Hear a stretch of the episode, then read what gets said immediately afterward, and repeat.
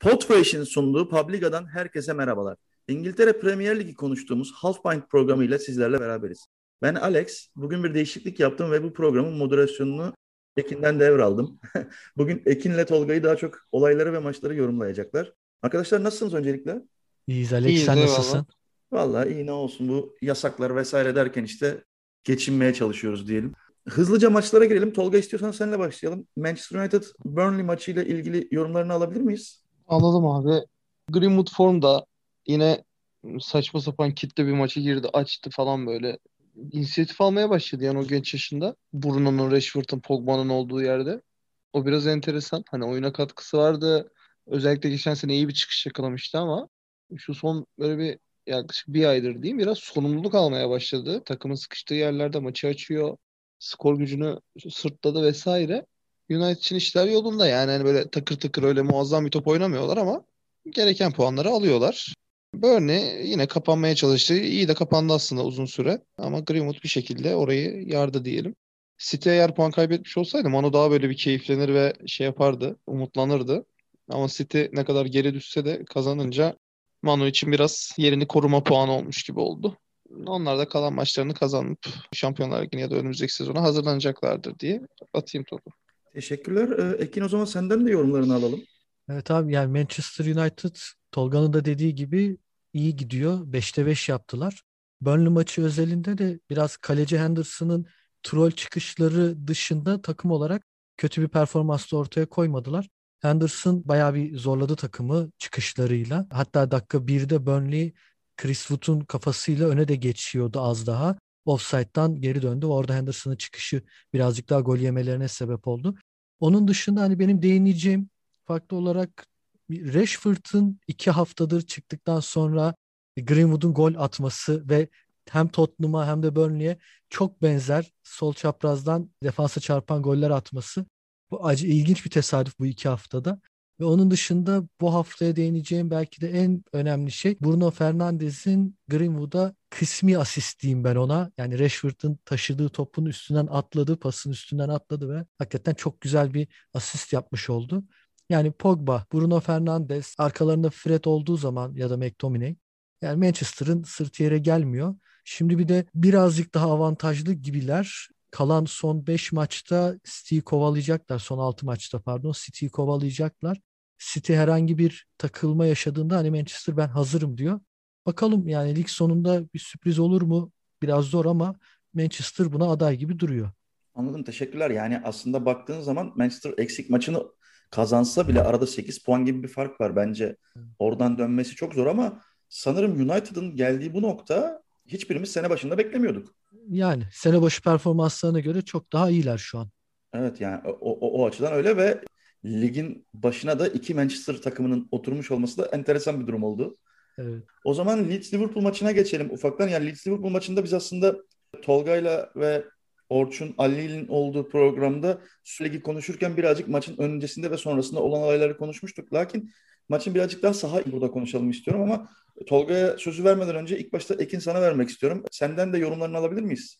Evet yani Liverpool Leeds maçı gerçekten kaotik bir ortamda oynandı. Yani bunu futbolcuların yüzünden ve performanslarından da anlaşılıyordu. Yani maç içerisinde Liverpool ilk yarı iyi oynadı. Biraz Jota'nın performansı düşüktü ama onun dışında Leeds karşısında hani birkaç pozisyon vermesi haricinde takım oyununu çok iyi oynadı Liverpool. Hatta golü de e, buldular.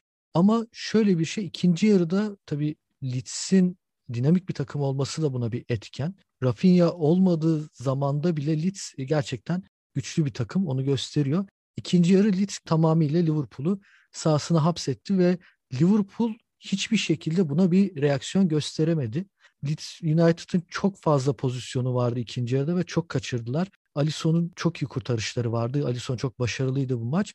Dakika 87'de bir serbest e, özlem kornerden gelen bir duran topla beraberliği yakaladı Leeds. Yani Alisson olmasaydı ya da Leeds'li futbolcular birazcık daha son vuruşlarda başarılı olsaydı yani Leeds Liverpool'a bir mağlubiyet tattıracaktı belliydi. Liverpool için kötü oldu bu puan e, kaybı. Çünkü Şampiyonlar Ligi bileti almak için Chelsea ile West Ham'la Leicester'la kapışıyorlar. Aşağıdan da Tottenham gelmeye çalışıyor vesaire. Ve bu yüzden de Liverpool için kötü oldu. hani bu Süper Lig muhabbetinin etkileriyle beraber genel olarak ikinci yarıda reaksiyon gösteremeyen bir Liverpool olması da birazcık daha takım oyunu için üzücü. Keşke ikinci yarıda birazcık daha etkili olabilseydi de buradan bir galibiyet çıkarsaydı diye umut ettik ama maalesef olmadı.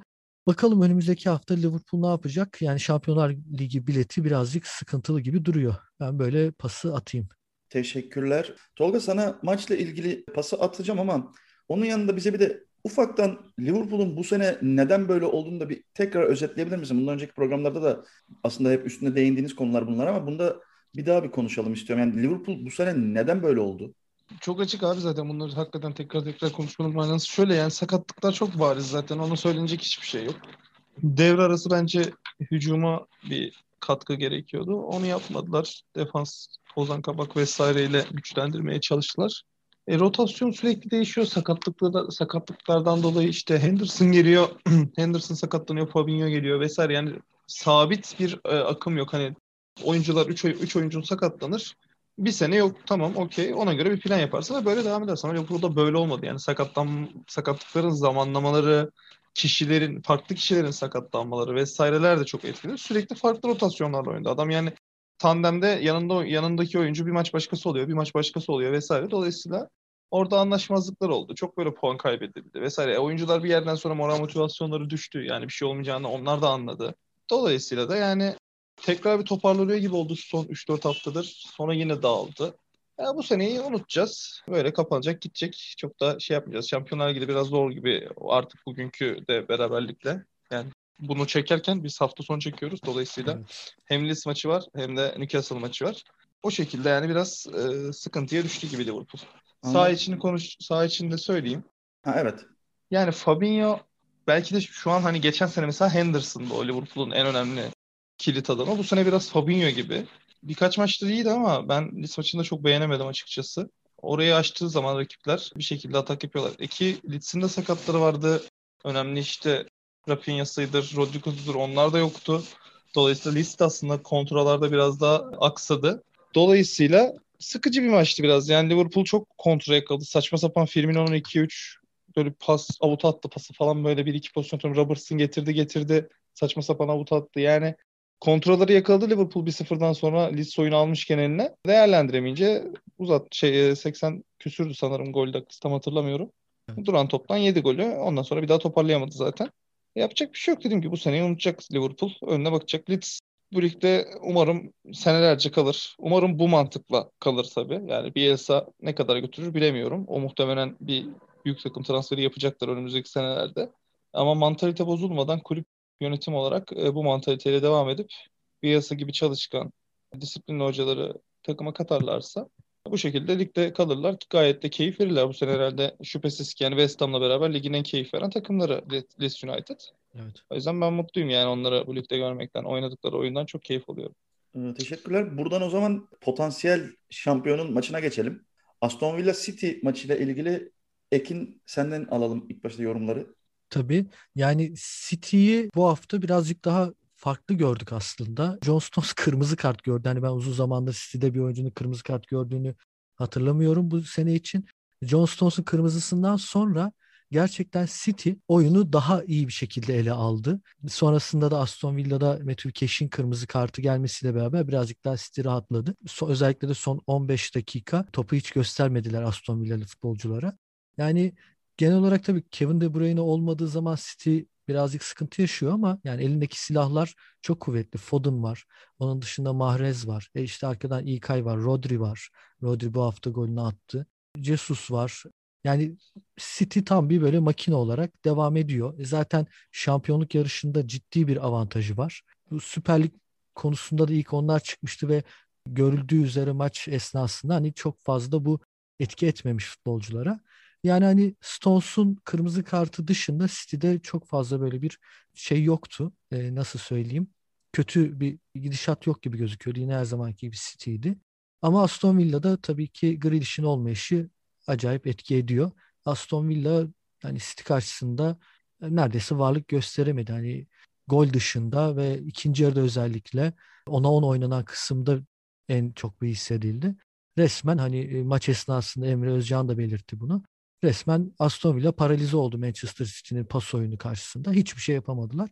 Yani City gidiyor. Herkes City'nin bir yerde puan kaybı ya da takılma yaşamasını bekliyor. Ama bakalım yani hani şu an için çok mümkün değilmiş gibi gözüküyor. Fakat kalan 5 maç ne gösterecek bekliyoruz. Muhtemelen e, önümüzdeki haftadan sonra şampiyonluğunu ilan edebilir eğer galip gelirse. Yani muhtemelen öyle olacaktır diye düşünüyorum ben de. Tolga senden de yorum alabilir miyiz? Valla çok izlemedim City maçını. İlk yarıya biraz baktım. Hani golü de çok erken yediler yani. Bu sene en erken golü yiyen onlar oldu herhalde. Evet. Direkt maçın başında 20. saniye miydi yanlış hatırlamıyorsam. Ya, golden sonra biraz kapandı tabii Villa doğal olarak City'ye karşı. Watkins de vesaire kontra yapmaya çalıştı. Stones'un kırmızısıyla dediği gibi şey biraz daha aldı el oyunu 10 kişi de olsa City. Topçular o kadar kaliteli ki abi yani 10 kişi 9 kişi çok fark etmiyor oynamak isteyen takıma. Bunu hani şeyde de görmüştük. Real'de falan da görmüştük bu sene. Dolayısıyla yani ikinci yarıda gollerle Foden çok yetenekli zaten bu sene. Geçen sene çıkış yapmıştı. Bu sene iyice uçmaya başladı. Ki ona rağmen hala istikrarlı bir şekilde oynatmamasına ben şaşırıyorum. Yani o yeteneği bulmuşsun. Niye böyle hala küstürüyorsun? Yani içten içi küsüyordur ben. Genç oyuncu olsam bu kadar formda iyiyken arada kesik yemek benim moralimi bozar şahsen.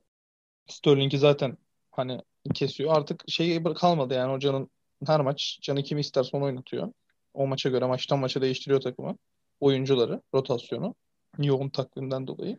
Yine Foden hiç küsmeden vesaire oynuyor. Onlar da dediği gibi yani 2-3 haftaya muhtemelen bir çok büyük bir sürpriz yaşanmazsa şampiyonluklarını ilan edeceklerdir diyeyim. Teşekkürler. O zaman direkt seninle devam edelim. Chelsea-Brighton maçını konuşalım. O maçı konuşmasak mı ya? yani Hakikaten. ya maç başı çok heyecanlıydım. Şu sebepten çok heyecanlıydım. Ya ben haftalardır hani Mantu orta tandemde denemesini istiyordum. İşte ne bileyim Kante'nin yanında, Kovacic'in yanında, Jorginho'nun yanında falan. Denedi abi bu maç. Çok heyecanlandım hani sonunda deniyor diye. Çünkü ileride o kadar yıldız var ki onlara yer açmak lazım. Yani hani Pulisic uzun süre kenarda kaldı. E, yani Pulisic bu takımın belki de en yetenekli oyuncusu. Birebir çalımda vesairede. Sonra onu dahil etti. Şimdi Werner'i kesti. Kaç haftadır Werner oynamıyor.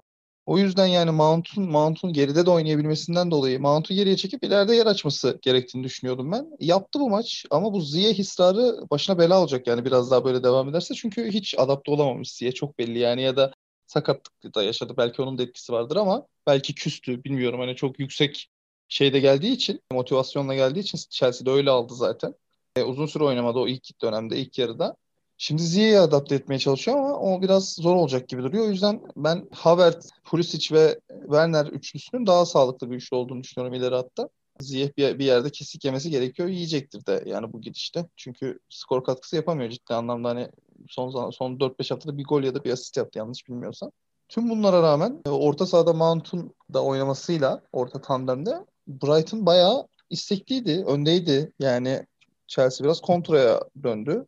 Tuchel'in taktiğinde bu var zaten. Hani seviyor kontrolü ya da topu bırakmayı e, oynayan rakiplere karşı. Ama Brighton'da şöyle bir sıkıntı var. Yani küme potasındalar. Hani tam kümede değiller ama o civarlardalar. Ama ben oynadığı topa istinaden yani bir rahat bir 10 puan falan fazlasının olması gerektiğini düşünüyorum Brighton'ın. Evet. Yani kaç tane böyle maçları var. Yani tek kale oynayıp gol atamama, gol beceriksizliğinden dolayı. Bu maç da onlardan biriydi aslında. Yani gayet iyi oynadılar. E, duran toplar, ortalar, direkt içeriden e, paslaşarak yaydan girişler falan yapıyorlar. Ama gol gol yok. E, gol olmayınca da böyle sıkıntılar yaşıyorlar. Belki de düşecekler yani. Hiç belli olmaz. Premier Lig burası. Dolayısıyla böyle sıkıcı bir maç istedik gol olmayınca. Ama Tuhel yani şeyi beceremedi birazcık bu maç üzerinde. Hani tamam topu bırak, kontrol çık vesaire ama Ziyeh çok kontrole uygun mu? Ayakta evet ama Chelsea'de çok olmuyor gibi hissediyorum ben bilmiyorum. Çünkü oradan çok fazla çıkan bir James var. Reece James'i çok fazla çıkarıyor 3-5-2 oynadığından dolayı. Ziyeh yani Ajax'ta oynarken full kanat onundu. Hani geriye gelir savunma yardımı yapardı. Kanadı köşeye kadar kullanırdı. Şimdi James oraya gidince Ziyeh'i biraz içeri almak durumunda kalıyor. Orada da bence biraz etkisi, etkisi azalıyor Ziyeh'in. Dolayısıyla bir formül düşünmesi gerekiyor. Onlar da Şampiyonlar Ligi için en büyük adaylardan biri bence de ilk dört için. Ekin senin yorumlarını almadan önce aslında bir şeyi de sormak istiyorum. Bu Tolga'nın bahsettiği dördüncülük yarışı bayağı bir karışacak gibi gözüküyor. Yani Chelsea, West Ham, Liverpool, Tottenham hatta Everton çok yakınlar. Birer puan falan var aralarında fark. Sence bu iş ne olacak? Ne görüyorsun sen? Yani şu an için şimdi Chelsea West Ham maçı var bu hafta sonu. O yüzden hani birazcık daha ipi kopartacak maç o. Chelsea West Ham maçından çıkacak sonuç birazcık daha geleceği belirleyecek. Yani Tottenham'da işte birazdan konuşacağız hoca değişimi vesaire. Hani ben şu an için en büyük aday Chelsea olarak görüyorum. Ama orada da bir West Ham şey var. West Ham gibi bir gerçeklik var. Tabii ki umudumuz Liverpool yani ümidim Liverpool'un dördüncü sıraya çıkması. Ama biraz zor gözüküyor. Benim için şu an Chelsea birinci sırada, ikinci sırada da West Ham gibi gözüküyor. Diğer takımlarda hani Liverpool, Tottenham, Everton birazcık zor gibi bu futbolla öyle diyeyim ben. Anladım. E, maçla ilgili bir yorumun olacak mı? Yani Tolga'nın söyledikleri üzerine çok bir şey eklemeyeceğim. Hani beklendiği gibi geçen bir maç olmadı benim için. Çünkü hani Tolga'nın da söylediği gibi Brighton'da etkili futbol oynuyor. Chelsea'de zaten haftalardır iyi futbol oynuyor. Ama hani böyle bir ortada sıkıştı maç. E, Brighton belki bir tane atsaydı Chelsea biraz zorlardı gibi bir durum oldu ama her ikisi de bunu çok beceremediler. Yani çok çok bir şey yoktu ya oyun içerisinde böyle hani iç açıcı çok bir şey yoktu. Anladım. O zaman buradan sonucunda ya da işte şeyin alakalı olarak Mourinho'nun da kovulduğunu konuşacağımız Tottenham Southampton maçına geçelim istiyorum. Yani Mourinho hocam yine kovulup çılgın bir tazminat aldı ve evet. hayatına devam ediyor. Bakalım bundan sonraki tazminat alacağı takım kim olacak diyeceğim. Maçla ilgili yorumlarınızı rica edeyim. Ya Tottenham iki maç yaptı bir defa. Önce Everton sonra Southampton oynadı bu hafta. Everton yani kaybeder diye bekliyordum ben. O maç da berabere bitirdi o maçı da. Southampton'ı yendi. Biraz zor oldu.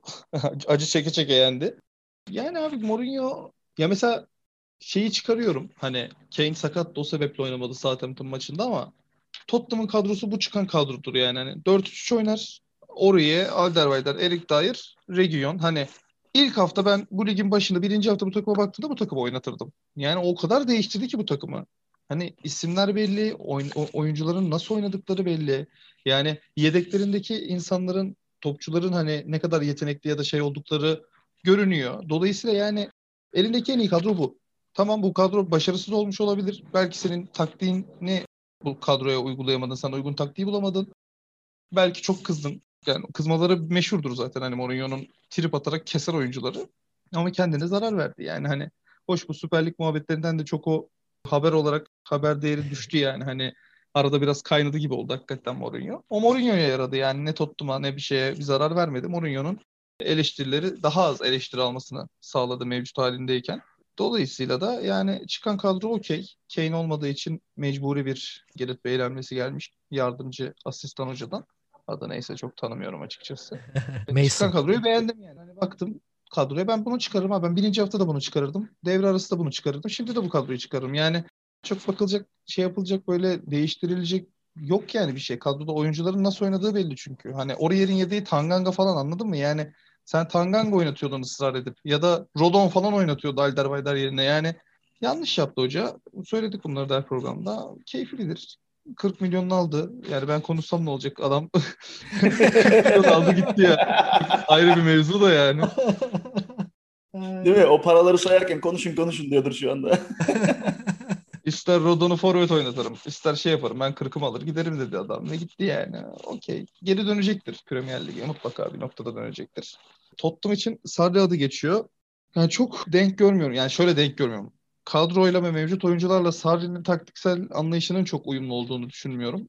Ama getirirler hani biraz da para harcarız sözü verirlerse tabii ki Sarri Kane'i sonu özellikle sonu çok çok parlatır. Yani çok çok daha parlatır.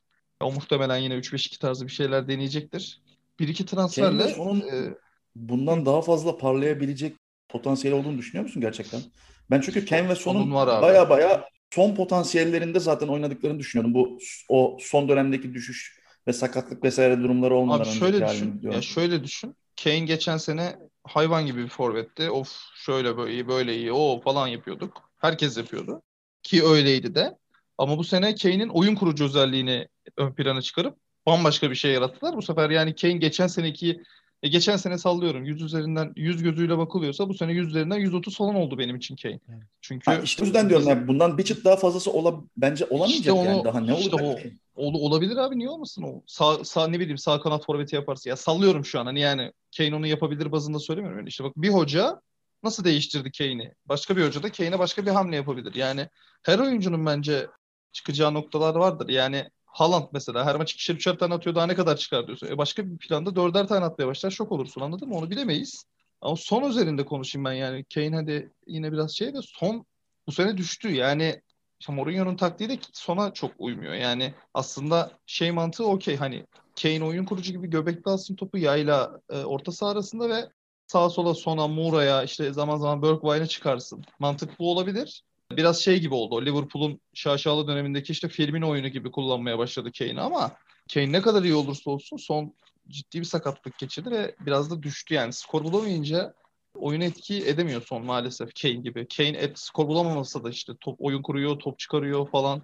Kane çok başka bir noktada zaten. Ama ben e, böyle bir 3-5-2 ne bileyim baklava 4-4-2 yani Kane'e başka e, şey, özür dilerim. Sona başka bir formatta o hakikaten eski Heung-Min Son günlerine dönebileceğini belki bir tabii biraz daha yükselebileceğini düşünüyorum. Ama bu hoca Sarri mi? Bu, bu takım Sarri takım mı? Onları çok e, emin değilim aslında. Biraz soru işaretim var. Bakalım yani yeni sezon planlamasında biraz da transferlere göre şekillenecektir fikirlerimiz. Anladım. Teşekkürler. Ekin'e lafı vermeden önce ben Mourinho ile alakalı bir fikir söylemek istiyorum. Fikrimi söylemek istiyorum. O da şu ki ben artık Mourinho'nun ve oynattığı oyunun top 6, İngiltere top 6'sinin veya işte Real Madrid, Barcelona gibi takımlarda düştüğünü düşünüyorum. Yani hoca bence bir çıt artık alt kademeye geçti ve oraya göre bir hoca olmaya başladı. Maalesef yetmiyor yani. Siz ne düşünüyorsunuz tabii bilmiyorum ama Ekin istersen senle devam edelim. Hem maçı konuşalım hem Mourinho hocayı konuşalım. Yani hani maça dair çok değil de daha çok bu hafta biraz Mourinho konuşacağız gibi duruyor. Çünkü yani Tottenham'ın bütün se- sezon boyunca hani inişleri çıkışlarını direkt olarak hani Mourinho'yu bağlamak çok doğru geliyor bana.